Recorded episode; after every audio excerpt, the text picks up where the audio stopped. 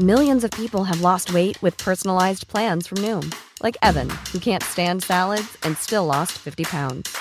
Salads, generally, for most people, are the easy button, right? For me, that wasn't an option. I never really was a salad guy. That's just not who I am. But Noom worked for me. Get your personalized plan today at Noom.com. Real Noom user compensated to provide their story. In four weeks, the typical Noom user can expect to lose one to two pounds per week. Individual results may vary. There's never been a faster or easier way to start your weight loss journey than with PlushCare.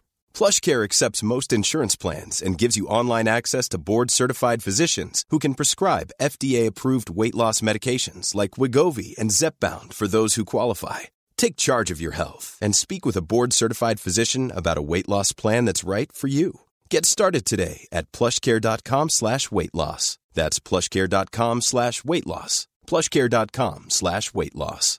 Everyone knows therapy is great for solving problems, but getting therapy has its own problems too, like finding the right therapist, fitting into their schedule, and of course, the cost. Well, BetterHelp can solve those problems.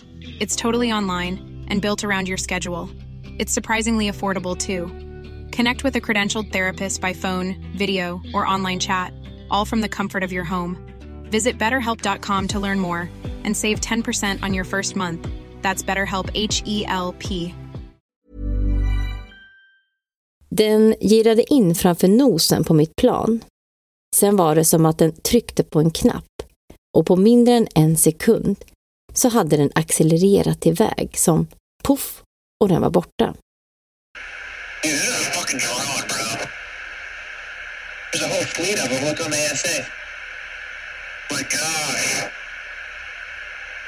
They're all going against the wind. The wind's 120 knots to the west. Look at that dude. That's not LNS, though, is it? It's not. Is the LNS, dude. Well, if there's another thing, it's rotating.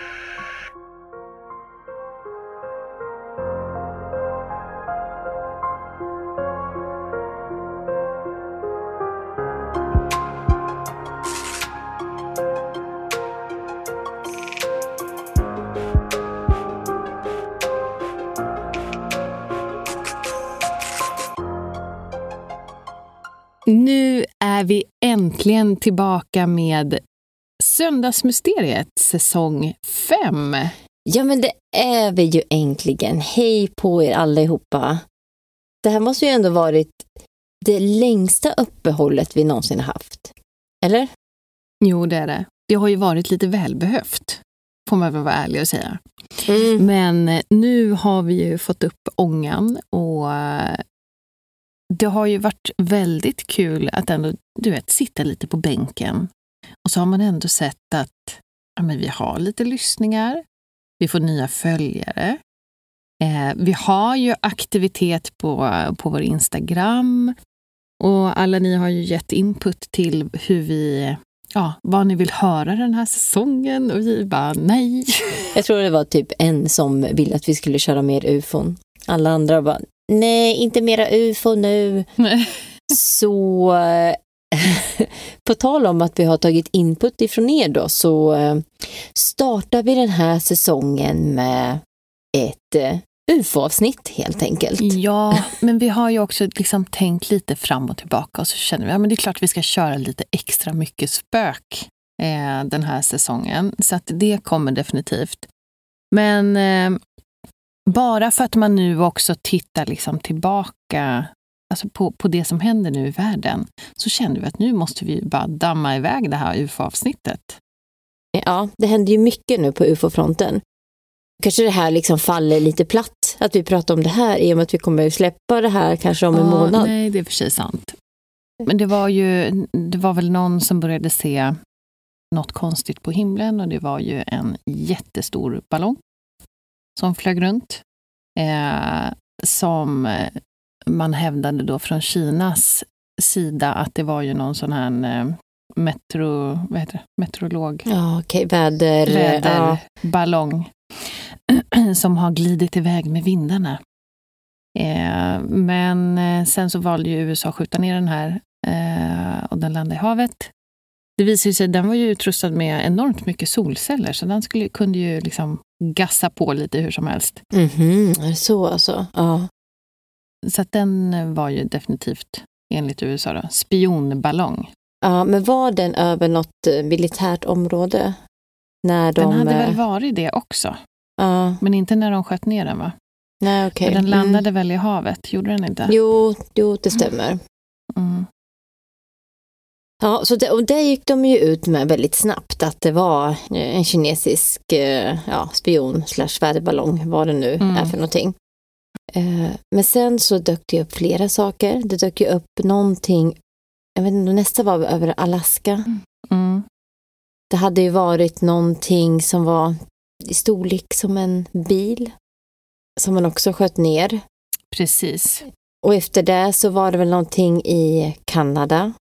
Ja, bara hade- någon dag efter så var det både USA och Kanada som såg någonting där åka runt.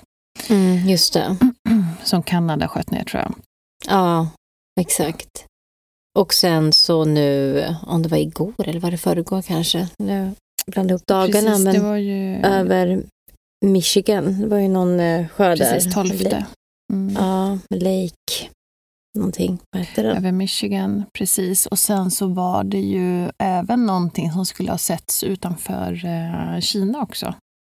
Ja, just det, det var det ju Mm. också, att de förberedde sig på att eh, skjuta ner Precis. ufot. Mm. Meddelade typ eh, fiskare att vara försiktiga för att det skulle landa något i havet. Nej, men det är ju Mm. något helt galet. Och ja, men det är intressant, precis som du säger, det första kunde man ju säga var en ballong, men sen Mm. de andra har de ju sagt, det är inte det var ju någon militär då, eller liknande som hade sagt att vi kallar det ju objekt eh, för en orsak. Det är ju inte en ballong liksom. Nej, och det hade väl varit, något hade väl varit cylinderformat och något hade väl varit lite oktagon, oktagonformat. Ja, precis. Och sen så tyckte jag, eh, eller läste jag någonstans också att några piloter hade väl sagt att det hade stört deras sensorer Mm. eller att det hade varit något, säger man, interference med.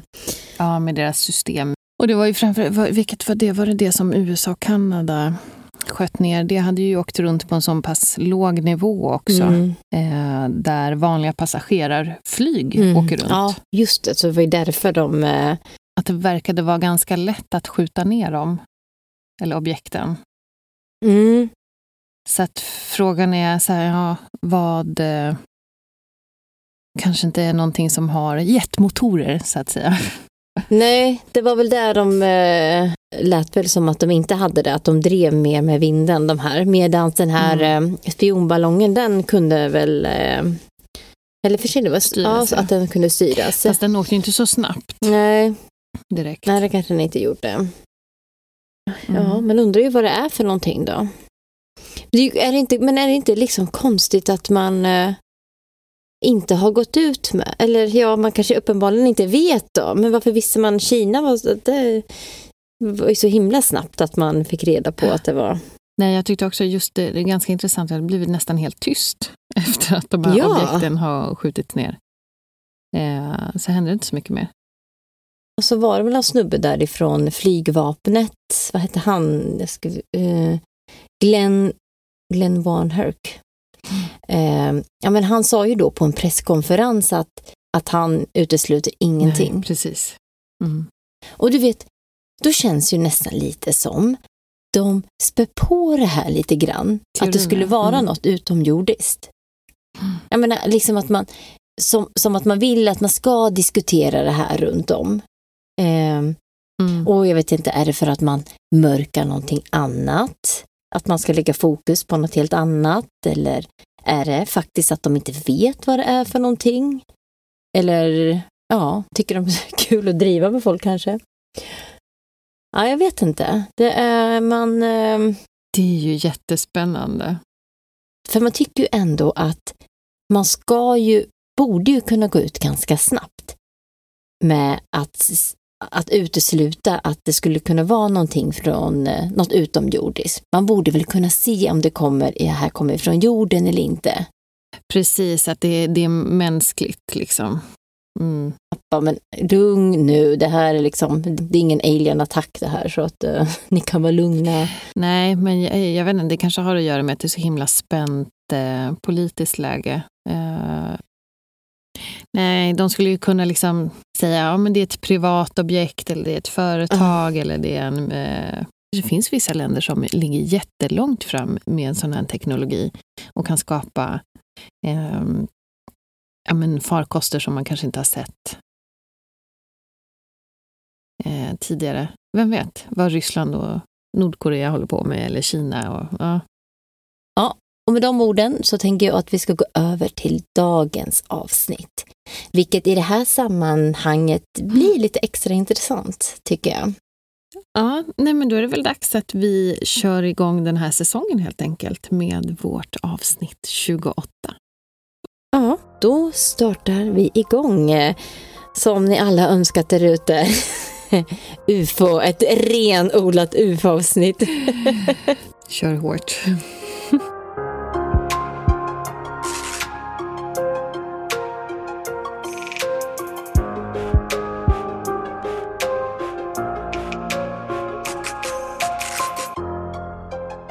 I början av 2021 så signerade USAs dåvarande president Donald Trump ett stödpaket för att mildra effekterna av coronapandemin.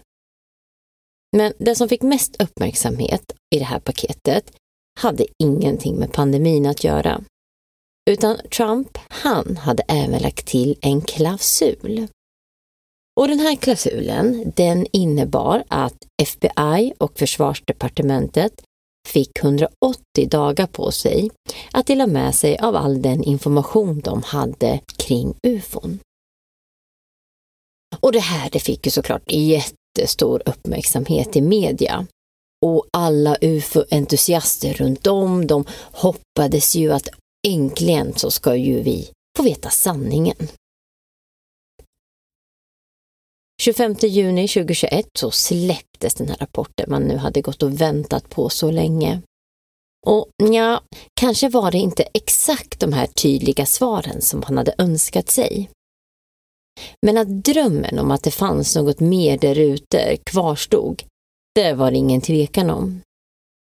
För att i rapporten så stod det att man hade utrett 144 observationer som gjorts av amerikanska piloter under åren 2004 till och med 2012. Och av de här 144 observationerna som man då hade utrett så hade man bara kunnat hitta en naturlig förklaring till en av de här. De hävdade ju också såklart att de inte hade några bevis på att det här skulle handla om något utomjordiskt, men att man heller inte kunde avfärda möjligheten.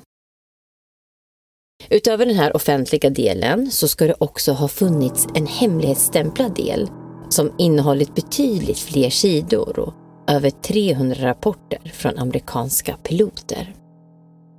Men några av de här observationerna som hade utretts i den offentliga rapporten hade faktiskt några år tidigare redan blivit välkända runt om i världen.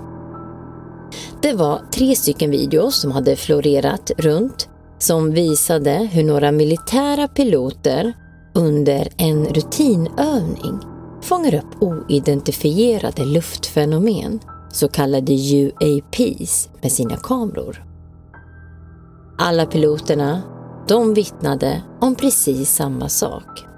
Objekten, de verkade trotsa fysikens lagar och ingen av dem hade någonsin sett något liknande tidigare. De här klippen, de hade som sagt några år tidigare läckt av New York Times och ett företag som heter To the Stars Academy. Men nu så bekräftade alltså Pentagon de här videorna som autentiska och att det som piloterna faktiskt hade stött på erkände man var något fysiskt, men att man då inte hade kunnat identifiera vad det var för någonting. Så idag så ska jag berätta lite mer kring de här fallen. Vad var det egentligen som de här piloterna och andra vittnen har berättat om de här händelserna? Och jag ska också ta upp lite mer kring artikeln som New York Times publicerade och de avslöjanden som de kom med.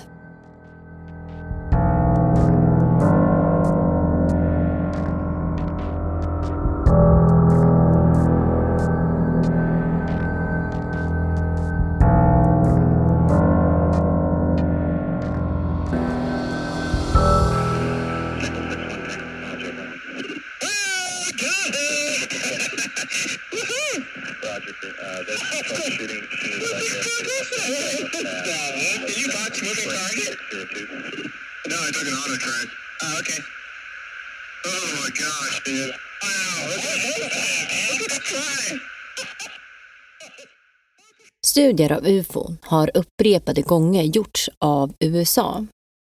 Och den kanske mest kända studien gick under kodnamn Project Blue Book som utfördes av flygvapnet mellan 1952 till och med 1969. Under det här projektet så undersökte man över 12 000 påstådda ufo-iakttagelser.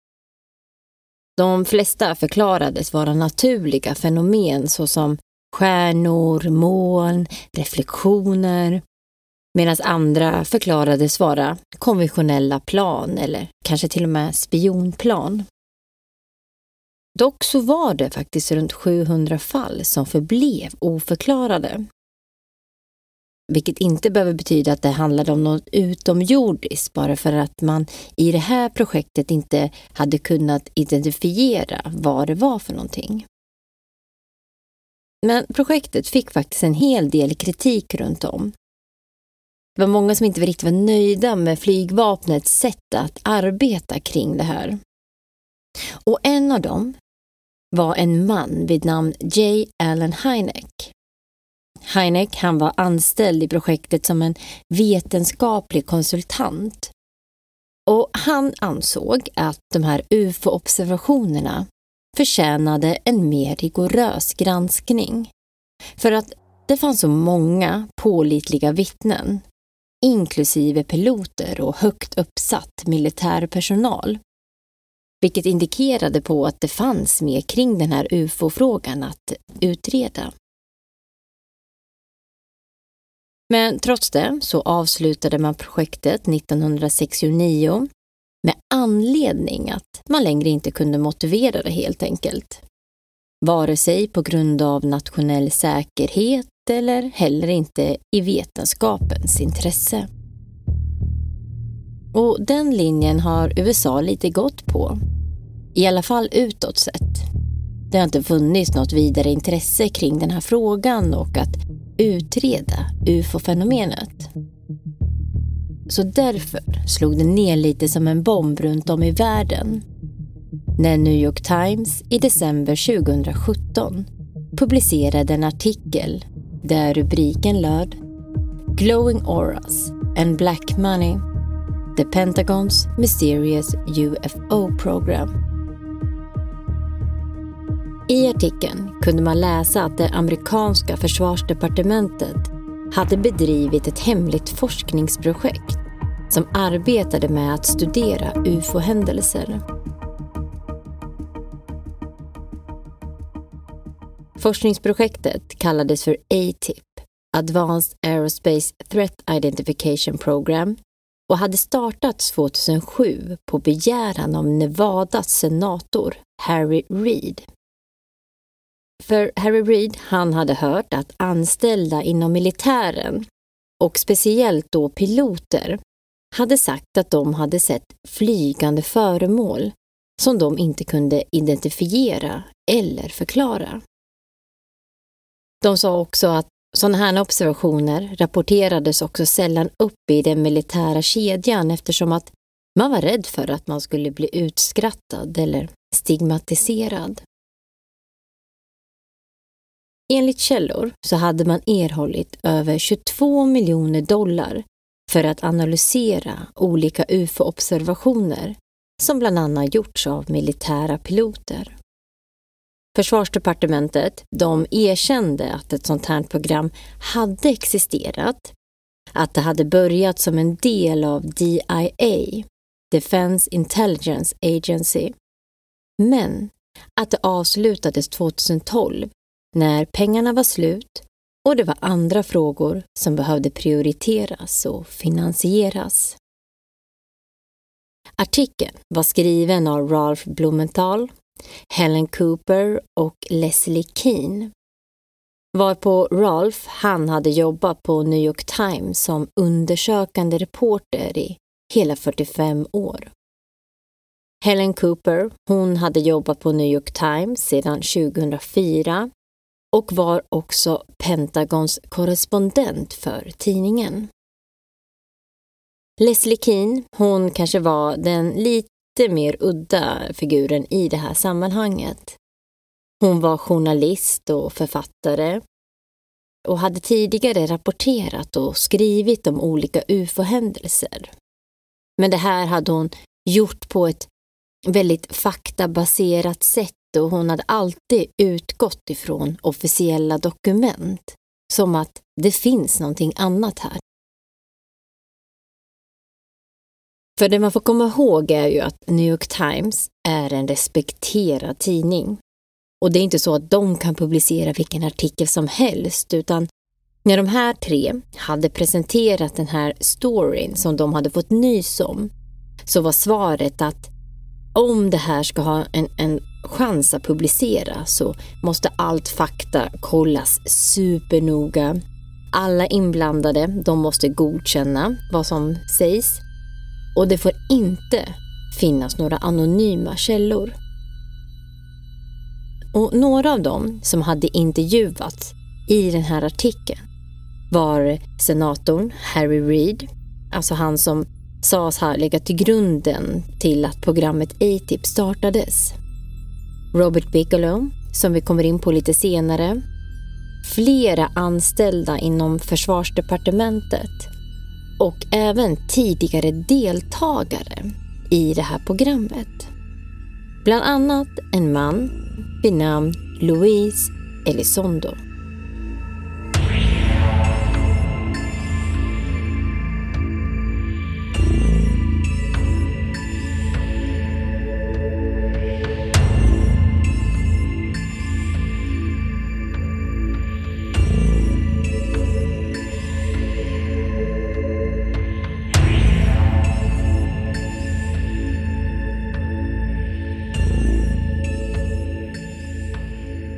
Luis Elizondo var en före detta militär underrättelseofficer som ska ha varit chef över hela det här programmet fram till 2017 då han valde att sluta.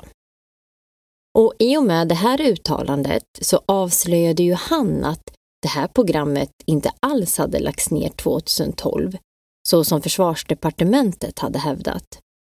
Eller Ja, kanske så avslutades det officiellt 2012. Men att det då hade fortgått fast under ett annat namn. Och det här styrktes också av flera andra källor och många var ju helt övertygade om att jo, men det här har gått under flera olika namn och det här existerar fortfarande. I artikeln stod det att mestadels av de här 22 miljoner dollarna ska ha gått till flygforskningsföretaget BAS som ägs av multimiljonären Robert Bigelow. Han ska i sin tur ha anlitat underleverantörer för att ta fram olika forskningsrapporter kring ufon. Det stod också att flera byggnader i Las Vegas som ägdes av Robert Bigelow hade gjorts om för att lagra metalllegeringar och annat material som ska ha samlats in ifrån de här olika oidentifierade farkosterna.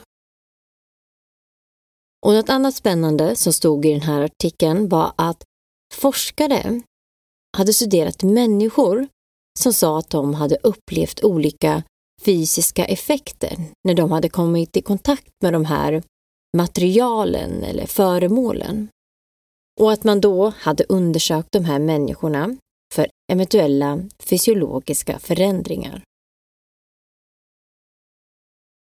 ATIP hade alltså erhållit över 22 miljoner dollar ifrån den amerikanska försvarsbudgeten. Och den här delen kommer ifrån vad som kallas Black Budget eller svarta budgeten, vilket betyder att finansieringen den hölls hemlig och inte ens medlemmar av kongressen visste att de här pengarna existerade. Men en av dem som kände till det här var senator Harry Reid. Han och två andra senatorer, Daniel Innuel och Ted Stevens, som båda de också stödde det här programmet, alltså A-Tip. För Ted, han hade faktiskt själv haft en ufo-upplevelse när han var pilot under andra världskriget. Vilket gjorde honom kanske lite extra intresserad av att utreda det här fenomenet. Bigelow, han ägde också under den här tiden en ranch i Utah vid namn Skinwalker Ranch. Och den här ranchen, den är känd för att vara någon slags hotspot för just utomjordiska och paranormala fenomen. Och det här har också en historia långt bak i tiden.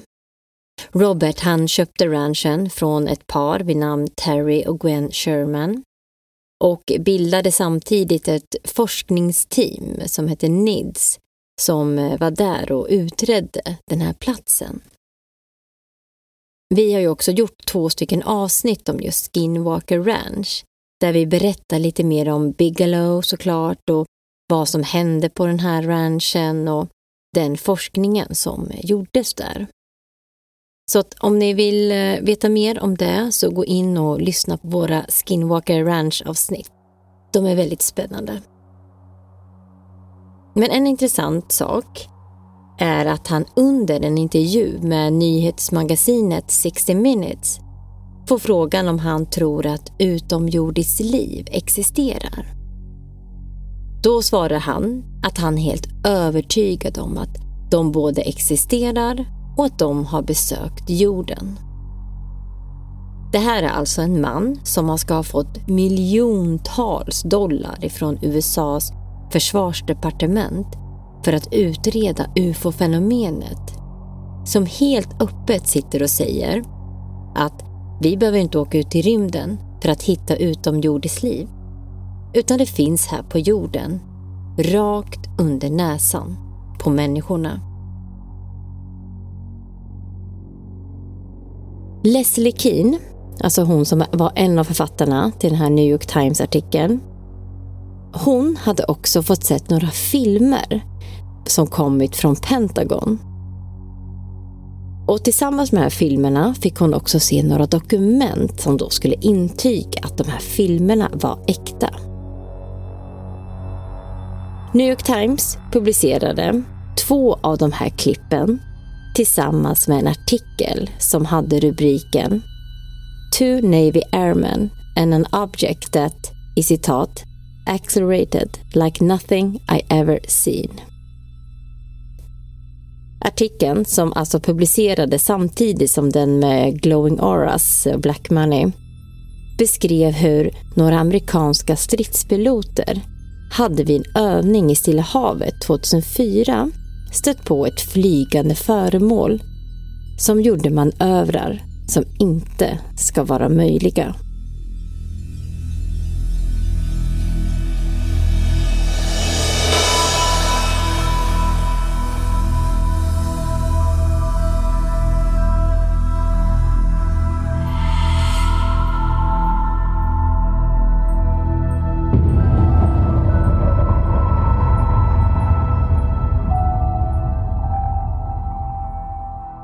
Det var en eftermiddag i november 2004. Radaroperatören på USS Princeton, Kevin Day, berättar om dagen som förändrade hans liv. USS Princeton befinner sig utanför kusten av San Diego under en vanlig rutinövning. Det här är en robotkryssare som sköter luftförsvaret för Nimbiseskaden. Kevin Day han jobbar som radaroperatör om något flyger och fångas upp på radarn så är det han som ska undersöka vad det är för något. Är det vanlig flygtrafik? Hur högt flyger det? Hur lågt? Snabbt eller långsamt? Och all den här informationen ska han analysera för att identifiera flyget så snabbt som möjligt. Gary Voorhis, som också arbetade som radaroperatör på USS Princeton, har hand om stordatorn och inspelning av all data. Alla systemen körde mot hans. Den här dagen i november blir inte vilken dag som helst. Utan det börjar med att man får syn på några märkliga radarekon som ser ut att befinna sig på en 8500 meters höjd. Det var flera stycken i en gles grupp som höll en hastighet på cirka 185 kilometer i timmen. Det här är en långsam hastighet för den höjden. Och någon som kör så pass sakta och så pass lågt borde rimligtvis krascha. Eftersom man enligt Kevin inte kan skapa tillräckligt med lyftkraft för att hålla sig flygande. Ja, att det var något avvikande, det förstod han ganska snabbt. Man testade att starta om alla system för att utesluta att det kunde handla om någon slags bugg i systemet som orsakade de här radarekorna. Men efter att man hade startat om och kalibrerat om hela systemet så dök de här radarsignalerna fortfarande upp. Man såg de här i flera dagar och det var inte så att de gjorde något speciellt utan man såg dem på radarn, de kom åkandes i ganska låg fart och höjd. De dök upp och så försvann de från radarn. Så i och med att de här inte agerade fientligt utan de höll sig för sig själva så lät man dem vara. Utan det var egentligen inte förrän ungefär en vecka senare, när det var dags för piloterna att börja sin försvarsövning, som man började agera på det här. För de här piloterna, de hade sin bas på hangarfartyget Nimbus och de befann sig för tillfället en bit ifrån USS Princeton. Så från Princeton så kände man lite att ah, det kanske inte är så himla bra att eh, några andra som håller till här nu när vi ska upp och flyga. Så Kevin Day, han säger till sin överordnad att han starkt rekommenderar att någon från Nimbis borde flyga dit och kolla vad det här egentligen handlar om.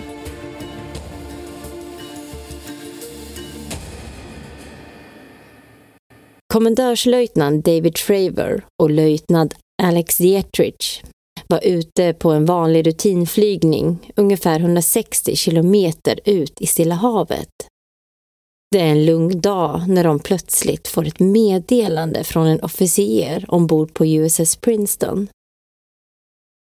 Han vill veta om de bar vapen. Fravor svarar att två Catamount 9 och syftar på de dummissiler som inte kan avfyras. Han hade ju inte direkt förväntat sig några fientliga utbyten utanför San Diegos kust den här november eftermiddagen 2004. Radaroperatören berättar att man på USS Princeton hade i en veckas tid spårat mystiska flygande objekt.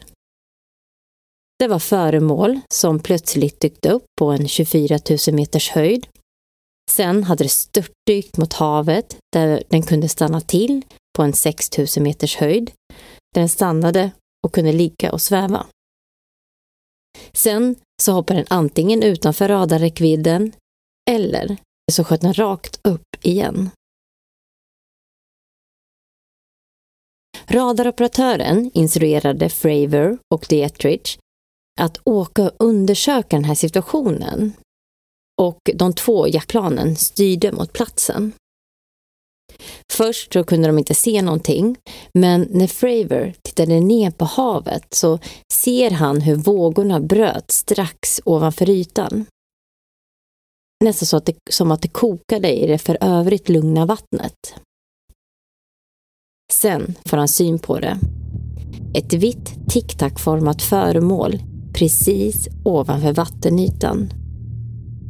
Den höll en nordostlig riktning och åkte i tvära svängar höger, vänster, upp och ner. De båda piloterna de är helt förundrade över det här och pratar via radion till varandra att men vad är det för någonting? Vi måste titta närmare. Så Fravor, han börjar då göra en cirkulär nedstigning för att komma närmare. Men då börjar det här objektet styra mot honom. Ungefär som att det skulle möta honom halvvägs. Objektet som Fravor uppfattar som ungefär i liknande storlek som hans jetplan gör alltså samma cirkulära rörelser uppåt som han gör neråt. Och han skriker ut att herregud, jag är i strid, jag är i strid. Och Fravor berättar att den girade in framför nosen på mitt plan. Sen var det som att den tryckte på en knapp och på mindre än en sekund så hade den accelererat iväg som poff och den var borta.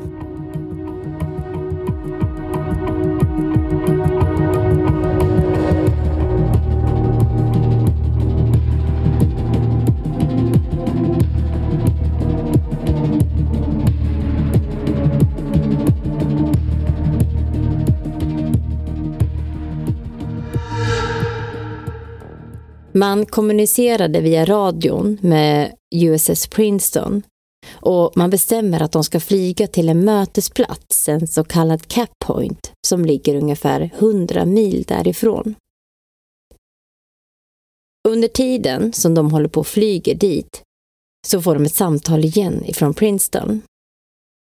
Man säger att ni kommer inte tro det här, men flygfarkosten är nu vid ert cap point. Fravor säger att alltså, vi var minst 70 kilometer därifrån när vi fick det här meddelandet. Så på mindre än en minut så hade det här tagit sig till vår mötesplats. Och det visade sig också att Princeton hade inte kunnat spåra det här på sin radar utan det hade bara plötsligt dykt upp. När Fravor och Dietrich senare väl anländer till Cap Point så hade det här objektet försvunnit och de fick återvända tillbaka till hangarfartyget Nimbus. En stund senare så kontaktar Princeton igen Nimbus och säger att man återigen har fångat upp de här objekten på radarn. Och den här gången så skickar man upp löjtnant Chad Underwood och det är också han som lyckades filma de här objekten som New York Times eh, läckte och som Pentagon också senare publicerade officiellt med namnet Fleur One. Chad säger att han aldrig har sett något liknande. Han brukar alltid kunna identifiera vad det är för någonting, eller åtminstone kunna identifiera det utifrån dess egenskaper. Men det här betedde sig på ett sätt som han aldrig varit med om. I videon så kan man se hur hans kamera fångar upp objektet. Sen så skjuter det åt sidan och försvinner. Chad säger att normalt så försvinner inte någonting bara utan att man ska kunna fånga upp det igen. Men inte det här. Han kontaktar Princeton som meddelar Negative Radar Contact, vilket betyder att de heller inte längre kan se objektet på sin radar. När han försöker förklara vad han har sett så beskriver han att det såg ut som det här tic-tac-godiset. Och det är ju det här som också har blivit ett vedertaget namn för de här ufona som sågs vid det här tillfället. Reaktionerna på USS Princeton var total förvirring. Ingen hade en blekaste aning om vad det här var för något. Ingen hade någonsin sett något liknande som flyger på det här sättet. Inte ens i närheten.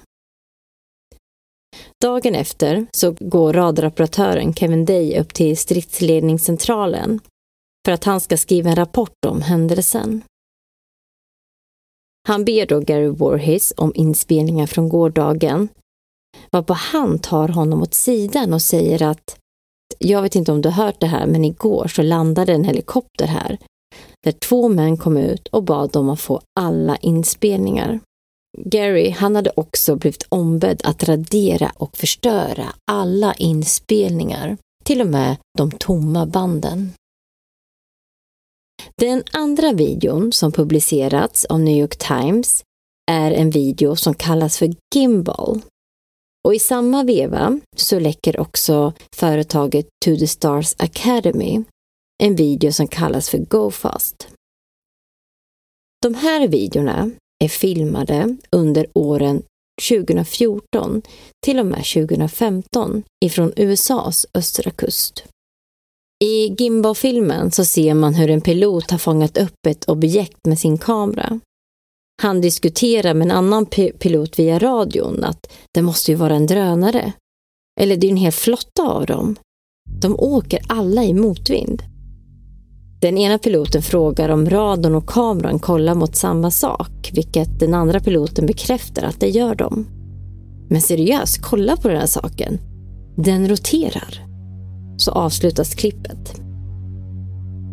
I den andra filmen, Go Fast, så ser man en vit prick som rör sig snabbt över havet. Till slut så lyckas piloten fånga in den med sin kamera och han utropar att ja, jag fick det och skrattar. Vad är det här? Den andra piloten frågar om han har fångat ett rörligt föremål, vilket han svarar att nej, jag fångade det med autotrack. Och säger att det är snabbt. Titta hur du flyger. Säger de och skrattar förvånat. Det är stridspiloter som är associerade med hangarfartyget USS Theodore Roswell som är ute på en rutinövning. Så liknande det som hände vid San Diego 2004 så börjar alltså allt med att man fångar upp några märkliga radarsignaler.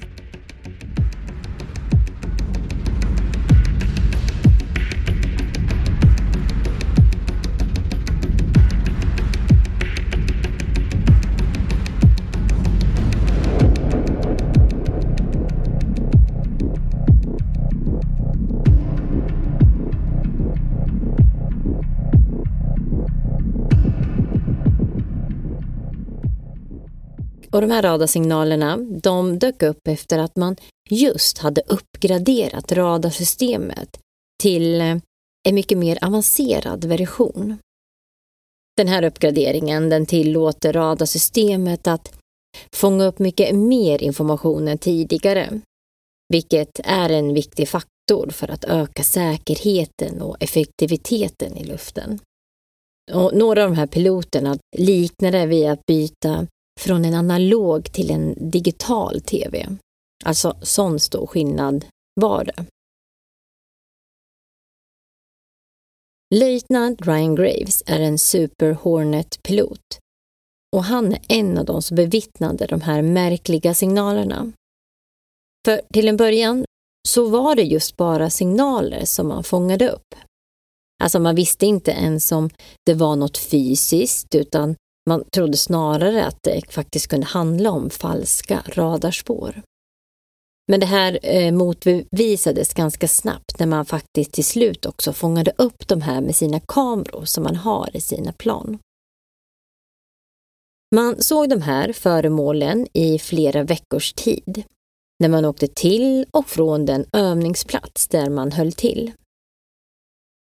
Man undrade ju såklart vad det här var för någonting är det några andra som också håller till och övar här eller kanske handlar det om en civilövning?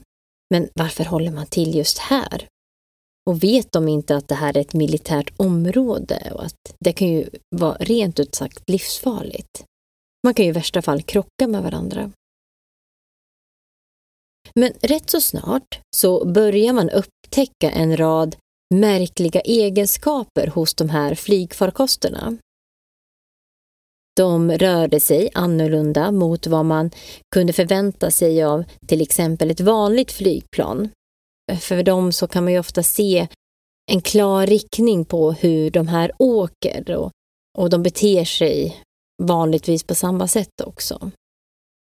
Men de här kunde visserligen åka i en viss riktning men under den här tiden så förflyttar de sig i tvära svängar, höger, vänster, upp och ner och man visste inte alls vart man hade dem.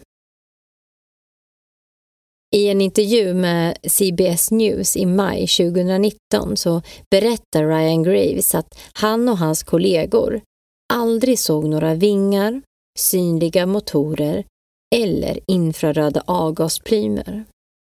Men trots det så kunde den här nå höjder på 30 000 fot och flyga i hypersoniska hastigheter utan att lämna några synliga avgaser. Men det var faktiskt inte alltid man såg de här farkosterna. Löjtnant Acoin berättar om hur han två gånger interagerade med de här objekten. När han en gång fångade upp en på sin radar så satte han sitt plan för att sammanfoga med det här. Så att han skulle flyga ungefär 300 meter under det här. Han berättade att han då borde ha kunnat se den här flygfarkosten i sin eh, hjälmkamera. Men att han såg ingenting. Trots att hans radar alltså visade att det fanns där. En annan gång när han flög sitt jetplan så låste sig hans träningsmissil på föremålet och även hans infraröda kamera plockade upp det. Han sa, jag visste att jag hade det. Jag visste att det inte var en falsk träff, men ändå kunde jag inte se det visuellt. Piloterna var kanske inte så konstigt förvirrade och oroade över det här. De rapporterade sina observationer till sina överordnade, men ingen av dem kunde förklara vad det var för någonting de hade sett. Veckorna gick och man såg de här i princip dagligen. Och man noterade fler och fler märkliga egenskaper som att ibland verkar de kunna stanna upp och sväva helt stilla oavsett vind.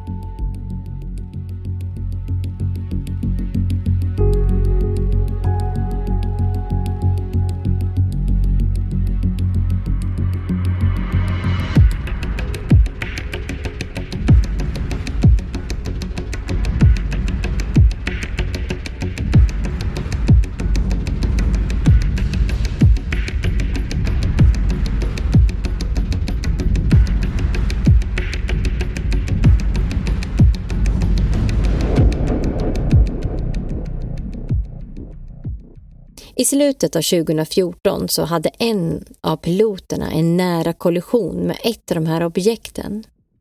Han kom så nära att han för första gången kunde se det med egna ögon. Och det han såg var något helt oväntat. En svart kub inuti en genomskinlig sfär. En av piloterna lyckades också med att filma ett av de här objekten med sina kameror.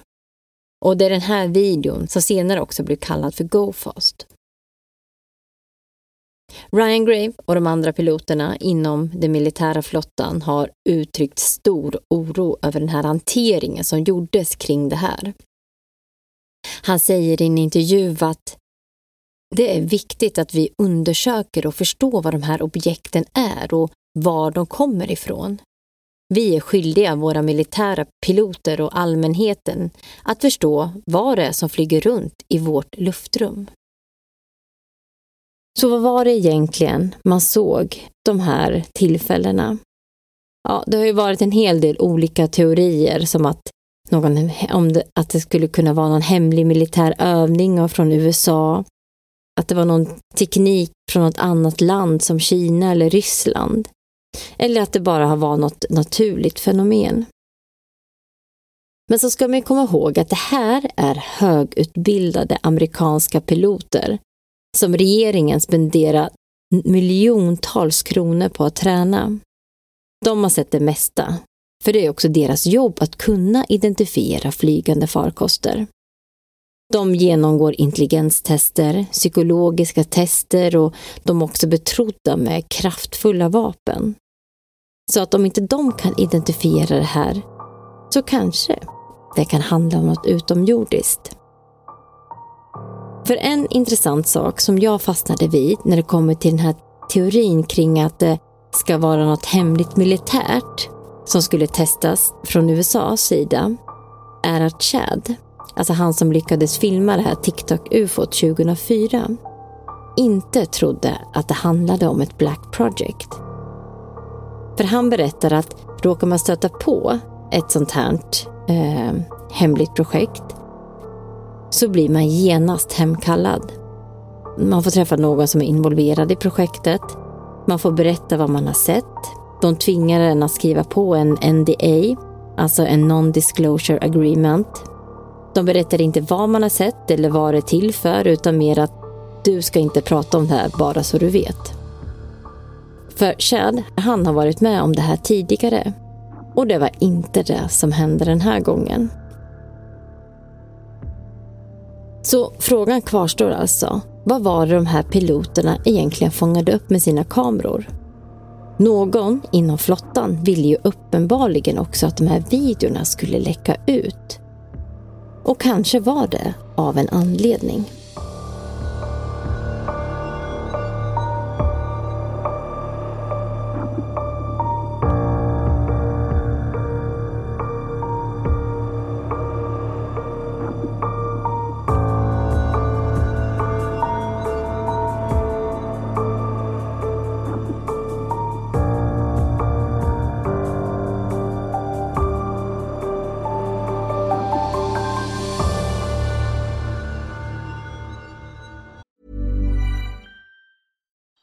Knows therapy is great for solving problems, but getting therapy has its own problems too, like finding the right therapist, fitting into their schedule, and of course, the cost. Well, BetterHelp can solve those problems. It's totally online and built around your schedule. It's surprisingly affordable too. Connect with a credentialed therapist by phone, video, or online chat, all from the comfort of your home. Visit betterhelp.com to learn more and save 10% on your first month. That's BetterHelp H E L P. If you're looking for plump lips that last, you need to know about Juvederm lip fillers. With Juvederm Volbella XC and Juvederm Ultra XC, your lip look, whether it's subtle or bold, can last up to one full year with optimal treatment and no additional maintenance. Find a licensed specialist and see if it's right for you at juvederm.com today. That's J U V E D E R M.com. Add fullness to lips in adults over 21 with Juvederm Volbella XC or Juvederm Ultra XC. Do not use if you have severe allergies or a history of severe allergic reactions, or if you're allergic to lidocaine or the proteins used in Juvederm. Tell your doctor if you have a history of scarring or taking medicines that decrease the body's immune response or that can prolong bleeding. Common side effects include injection site redness, swelling, pain, tenderness, firmness, lumps, bumps, bruising, discoloration, or itching. As with all fillers, there's a rare risk of unintentional injection into a blood vessel, which can cause vision abnormalities, blindness, stroke, temporary scabs, or scarring. For full important safety information, visit juvederm.com. Visst är det så mycket mer än vad man trodde att det var? Eller jag vet inte vad du har hört det här innan, eller om det här innan. Nej, alltså, man känner igen TikTok och eh, man har ju sett några så här små klipp. Mm. Eh, och sen så vet jag ju i och med, det var kul att du nämnde det, vårt skinwalker Mm. eh, avsnitt. Eh, just att där tror jag också vi var inne och, och bara touchade vid det här eh, stora projektet som liksom har pumpat in pengar från, från staten. Och, Precis. Alltså, det är hur mycket pengar som helst Ja, som har gått till ett sånt här projekt som ingen Ja. haft koll på. Och det är ju jätteintressant. Ja, men det var ju någon som sa, jag kollade på en dokumentär som var, alltså det är 22 miljoner för att ta fram lite rapporter. Vart har alla pengarna gått till? Eller vad, Ja, visst. vilket är liksom, är det lite shady? Att det är det någonting, Mm. ja, jag vet inte. Att det är multimiljonär som får ännu mer pengar eller är det faktiskt att det, det används till någonting? Men det är ju så, alltså om vi börjar då med eh, New, New York Times-artikeln. Alltså att bara att de skriver en sån här sak och att de skriver det här med Bigelows företag då som ska stå, vad heter det, vad säger man, eh, vad säger man, lagra. Ja, men så här lagerhålla. Ja, lagerhålla. Eh, olika metalllegeringar och andra metaller ifrån Mm. olika ja, UAPs eller oidentifierade luftfenomen då, som man säger. Ja. Och att de också forskar kring att det, de människor som har ko- kommit i kontakt med de här föremålen, att de upplever olika typer av eff- effekter. Det står inte vad de upplevt, men att eh, ja, att man gör forskning kring Mm. det. Och då ska man ju liksom komma ihåg det som jag sa att, det var, att de eh, var ju tvungna att liksom faktakolla det här jättenoga för att kunna publicera. Det är ju Ja, inte visst. vilken eh, tidning som helst. Som, Nej, Mm. de har ju ett jätterykte och, och liksom upprätthålla. Eller vid, Ja. vidhålla. Vid, ja. Så är det ju, så att de, de kan ju inte trycka ut vad som helst. Det som är, gör det ännu mer intressant att i New York Times så är inte någon så skvallerblaska Nej, eh, som skickar ut något. Nej, Se och hör. nej, men, det, ja, nej men exakt, inte se och hör. Nej. Utan att de, eh, nej, de kan ju inte sitta och ljuga och hitta på saker som att Nej. någon kommer då efterhand och bara, men va, va, vad har ni skrivit? Så det stämmer inte alls, jag håller inte alls på med det här. Utan de, det här har ju kommit från intervjuer med dem, Mm, mm. uppenbarligen då, som har godkänt det här. Att ja, ni får Men det skriva är det ju här. rätt kul faktiskt. Att det, det har ju blivit mer och mer, vad kan man säga, lite publika diskussioner kring det här tycker jag. Och sen när man släppt de här rapporterna, eh, det togs beslut på att det skulle offentliggöras. Och det är Mm. kul. Och att det är så många personer också inblandade. Det är inte bara de här två piloterna. Eh, utan att det är det finns så många vittnen och det är både från 2004 Mm. och 2015, eh, 14-15 där. Och att alla säger att nej men liksom den här, vi har inte den här tekniken. Nej, tänk att sitta som en pilot Mm. där och följa ett sånt här objekt och bara, jag har aldrig sett något liknande. kan inte förklara liksom, l- alltså, hur den kan röra sig som den gör. Nej, för de säger ju liksom, nej men det här liksom, så som den rör sig, det, liksom, det går inte med våra Nej. fysiska lagar. Helt enkelt, utan då, det är ju något annat. Mm. Och en del pratar ju om att, ja men då, det här handlar ju liksom om att det här objektet kröker rumtiden. Och sitter man på Mm. en sån teknik, ja men då är det ju något helt världsomvälvande som Ja, då USA sitter och håller hemligt. Men sen Ja. också då, ja okej, om man nu mot förmodan skulle ha sitta på den här tekniken och vill testa det här, att man riskerar Mm. att göra det det ens egna håller på och, med sin, och, och tränar och riskerar att krocka med dem. För en del hävdar ju att ja, men om det är någonting då man vill testa så vad är inte bättre att testa än med världens bästa piloter och se hur det står sig mot dem etc. Men ja, då tror man ju också väldigt illa om sin egna regering som skulle utsätta sin egen militär för det här.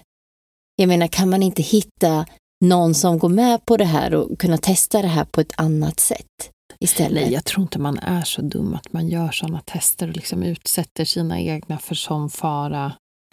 Eh, det tror jag definitivt inte. Men det är ju en skrämmande tanke liksom, oavsett vem. Säg då om det inte är USA, ja men vilka är det då? Och det är då, då de tänker, är det Kina och Ryssland som har någonting sånt, då tycker de att då borde vi veta att de har sitter på det här. Eh, Mm. ja, det, det är ingen som tror att man skulle kunna hålla en sån sak hemlig. Det känns som att sånt läcker ju alltid ut. Alltså om det skulle vara något världsomvälvande eh, liksom, som någon har hittat på. Sen har det ju varit lite teorier att ja, något väderfenomen eller någonting de har sett eller någon reflekteras, eh, ja, något ljus som reflekteras där de har sett, men det är ju också någonting som de eh, är ju bara, men vi, nej. det, Så det gör man ju säkert och jag menar sånt kanske förväxlas i vissa fall. Eh, det, det kan jag ju absolut tro, men jag menar oftast så fattar ju de det själva också då. Alltså piloterna. Jag menar, de är ju inte dumma i huvudet. Vi pratar ju om... Och det är ju så många. Det var ju på det här andra så pratade de om att men det är ju typ runt 50-60 personer som har sett de här. Så det är ju inte tre som har sett Nej, eh, någonting utan det är ju Mm. Man såg ju inga avgaser eller någonting och det hade man ju också, hade det varit det så hade man ju sett det på de här radar eh, eller, eller, sina kameror då, infraröda kameror som man har. Mm. Jag tycker det är bara intressant, alltså när någonting eh, alltså när de ser någonting som verkar avvika, det var ju bara det här med hastigheten, att hade det varit någonting som vi har skapat, alltså en farkost som ligger och flyger i 158 km i timmen på den höjden, skulle man krascha. Mm. Ja, ja Va? precis. Ja. Vad har vi hittat på då? då? Och just de här eh, eh, hastigheterna som, för jag tror han eh, Fravor då, han som var, pratade om i början då, han sa att ja, men om man tog exempel då som en, typ en av våra snabbaste flyg som hette SR, SR-71 tror jag han sa. Säg att den står stilla och sen så sticker den iväg. Då ska man ändå typ kunna se den kanske som en prick som åker mot horisonten, ja, men säkert i någon minut i alla fall. Medan det här var liksom, var bara och så var det borta. Ja, det var en sekund så var det borta. Ja, det är sjukt. Ja, det är så spännande. Ja, det är så sjukt. Och en annan sak, han pratade också om att de här sakerna, de var ju ute i flera timmar. Mm. Och det har, finns ju heller ingenting riktigt som, Nej, som kan eh, klara av det. ja, och vara så länge ute utan att de, för de, deras flyg, de måste ju åka och tanka. De kanske kan Mm. vara ute någon timme, en och en halv. Är det TikTaken eller den andra som man har sett på video? Eller kan man se båda på nätet? Det är eh, båda, eller alla, ja. Det, var, Ah, det är ja. tre videos. Och en, Mm. eh, den första var ju den här tic-tac-ufot som, eh, Mm. Som kommer från Fleur One. Säger de ju också att det här, de här filmerna är ju egentligen mycket längre. Men de har ju bara, det, vad som har eh, läckt är ju bara en litet, ja, en litet klipp från dem. Eh, sen är det de här Go Fast och Gimbal. De, de är ju tagna ifrån 2014, Gimbal, mm. 2015.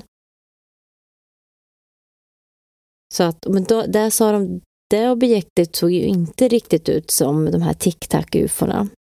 Utan eh, i Mm. sådana fall är det något, ännu något annorlunda. Något.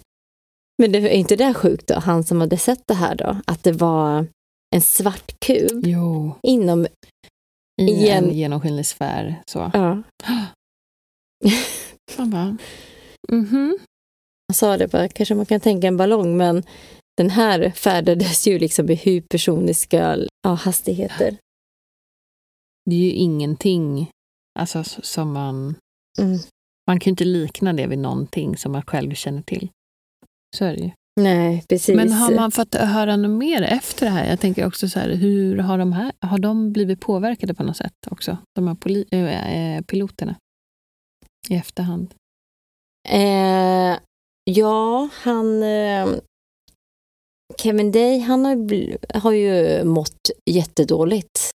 Han tyckte ju att det var jobbigt att man inte fick någon förklaring. Att det var att det här hände, sen var det som allt sopades under mattan. Och det var ingen som, det rapporterades ingenstans eller sen var det Mm. bara som att man gick vidare som ingenting. Medan eh, som att det nästan Mm. blev ett skämt av det till slut. Eller att det var ingen sen som trodde på honom. Fast även var ju flera massor som hade bevittnat det. Men som att nej, då pratar vi inte om det. Ja. Han berättar ju liksom när de här då eh, när han hade då skulle gå och rapportera om eh, vad som hade hänt och de här banden var borta. Och han hade sett sin chef där liksom och han sa att ja, men jag såg på honom att han visste vad som hade hänt men att han inte liksom kunde berätta. Mm. Ja, Mm. utan då var det som att man bara oj nej vi har glömt att spela in eller ja det har blivit överspelat. ja, för jag tänker på det. Det kom ju två män där i någon helikopter Mm. och skulle hämta upp grejer. Så det, Mm. Ja, exakt. Så det känns ju som att det är ju verkligen, ja, vi har två alternativ. Antingen så är det ju någonting man själv håller på och utvecklar och vill hålla top secret. Ja, Eller så är det ju något som inte kommer härifrån. Men varför skulle man då också vilja liksom... Då förstår inte jag syftet med att man inte... Eh, eller att man eh, liksom stänger luckan mot sina egna då i... Eh, alltså på en sån nivå. Det är ju konstigt att de inte hålls då informerade kring det. Eller har man ytterligare någon specialenhet då som kliver in och bara, det här tar vi hand om, bryr er inte om det här. Ja, men uppenbarligen så finns ju det. Men samtidigt tänker jag lite då, för det jag tyckte var så spännande då med det här eh, som händer nu, att här så verkar man ju bara, ja det är någonting, vi skjuter ner det. Exakt. Men det här då, som de här på det senaste 2014-2015, mm. som är där, håller på några objekt i över mm. ett år. Nej, det gör man Nej. ingenting åt. Varför, gör man, varför skjuter man ner de där ballongerna så snabbt med det andra gör man ingenting åt? Eller får något, det är bara som att man lät det vara och lät dem hållas där. Han sa att ja, de fick någon så här att det de gick ut med var att ja, bara så det, det finns några objekt som ni får vara lite var, eh, mm. varsamma där. Eh, så att ni inte krockar. Eh, det var typ det de kunde Nej, göra. precis. Och det, det är väl kanske det också som talar för att det kanske är någon egen teknik som man håller på att jobba fram. Som man inte vill liksom bara wastea. Men varför håller man till där då som är eh, varför kan man, man måste väl kunna hitta ett nytt ställe? Och det var inte så att de interagerade heller med, ja, förutom han som var nära att krocka en gång då, men annars så var det ju mer att de såg dem på vägen dit och ifrån övningsplatsen. Varför måste man hålla till där? Kan man inte vara någon annanstans där man inte syns? Under ett helt år. Ja, ett helt år också. Ja. Nej, ja. Och hade det varit någonting från ett annat eh, land, då känns det så konstigt att man bara låter det vara. Att de kan hänga kvar där och se vad vad man håller på med, alltså sina militära övningar och så gör man inte någonting åt saken. Nej, det låter ju väldigt orimligt. Och jag tänker det är ju därför man har skjutit ner objekt nu, tänker jag. För det, här måste man ju känna att ja, men det här är ja, men som väderballongen från Kina. Och så kommer något annat objekt jag tror, för man kan ju inte vara så dum och bara skjuta ner vad som helst. Nej, det får verkligen hoppas att vi inte har skjutit ner ett alien spaceship. Om vi var körda redan innan så vet jag inte vad vi är nu direkt. Det är ju så mycket konstiga grejer som med hela den här eh, Gud, men Harry Reid, han senator, han säger ju att det finns någonting och han Luis Elizondo som ska ha varit chef över hela det här, han säger att ja men det, det finns. Uh, alltså de bekräftar ju att det finns utomjordiskt liv, de här snubbarna. Ja. Ja, och jag tänker fine att de, liksom, de observerar massa saker, eh, eh, massa olika ufon om man egentligen tittar på definitionen av UFO så behöver inte det betyda att det är, det är något utomjordiskt, mm. men ändå att eh, det är så pass stor del. Jag, jag tror definitivt det, det finns annat liksom där ute som eh, utforskar vår värld. Ja, men jag tror också det. Ja, det är väl ingen eh, hemlighet att vi tror det. Nej, jag tänkte säga. Every, varje UFO-avsnitt liksom. Det, är, det är vårt statement. det är, så, oh, det är mm. så konstiga grejer. Det är, oh.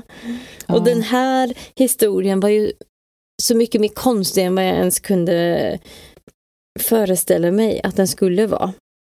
Och jo, den här, eh, jag tror det är Gimbal videon eller om det är Go Fast, det minns jag inte ja. riktigt. Jo, nej, Gimbal är det.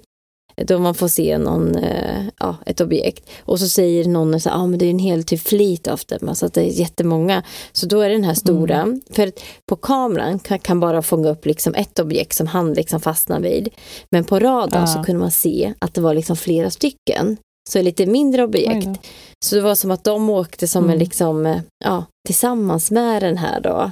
Ja, som, som en liten flotta. flotta. Mm. Och sen så bara roterar de runt där och ja. Man hade ju blivit lätt nervös i det där stridsflygplanet. Jo, lite så. Särskilt när han åkte med typ attrapper. Gjorde han inte det? När de var ute och flög någon gång. hade de väl in, inga riktiga vapen. Ja, och det är också för sig väldigt konstigt att man bara, har du vapen? Bara, nej, nej men åk dit då, det kan vara fientligt här. ja, jätteskumt. Jo, men vet du vad jag läste? Mm. Ehm, jag läste att... Har du hört talas om Baba, Baba Wanga? Ja, Ja, det, det, tycker jag att jag känner igen. det ska ju vara någon slags eh, sierska av något slag som levde på ja, 1900-talet. Men hon har ju Var då... hon ju- var blind va, också? I- Ja, exakt. Och hon ska Ja. ju hon ska ju förespått bland annat det här med 9-11. Jaha. Ja. Och vet du vad det sägs att hon har förespått eh, för 2023? Nej, En alien-attack. skojar du med mig eller? Eh, vänta, ska jag se vad det står. Eh, Baba Wanga 2023. Ah, men nu dör jag Ida. Ja, from alien attack to solar tsunami. Oh, skojar du? Ja, en eh, solar fan. tsunami också på det. Ja, men nu mår jag ju fan på riktigt dåligt. Gud, är det sant alltså? Ja, 2023. Ja, jag har inte kollat det här på, eh, eh, jag har inte faktakollat det här, men eh, det var någon som nämnde det på Flashback forum. Men jag googlade på det och då står det ju flera ställen. Stämmer hennes då förutsägelser? Eh, Det kan Så- vi läsa på lite om också faktiskt och kanske släppa lite i eh, våra sociala kanaler. Ja, det skulle vi kunna Mm. göra. Som kommer då släppas innan det här. Mm. Ni kommer höra det här. Men eh, mm, Precis. se lite då. Men det hade ju varit intressant att se, läsa på lite mer om det. Mm. Och är det så då, att det stämmer och det blir som hon säger så har vi en alien-attack att vänta oss. Kul. Mm, kul. Kul. Så då avslutar vi med det. Happy Det world. gör vi, exakt. Gud, trevlig söndag och vecka på er, hörni. Men jag tycker i alla fall, nu känns det skönt att vi har eh, kickat igång den här säsongen. Ja, det har vi äntligen. Och nu lovar vi också att vi ska, eh, det kommer komma mera spökavsnitt. Nästa kommer bli ett, eh, mm, ett spännande fall med lite mer paranormala inslag. Så att eh, då har ni någonting att... Precis. fram emot. Ja. Så ta hand om er så länge så hörs vi om två veckor igen. Det gör vi. Ha det så bra. Hej då!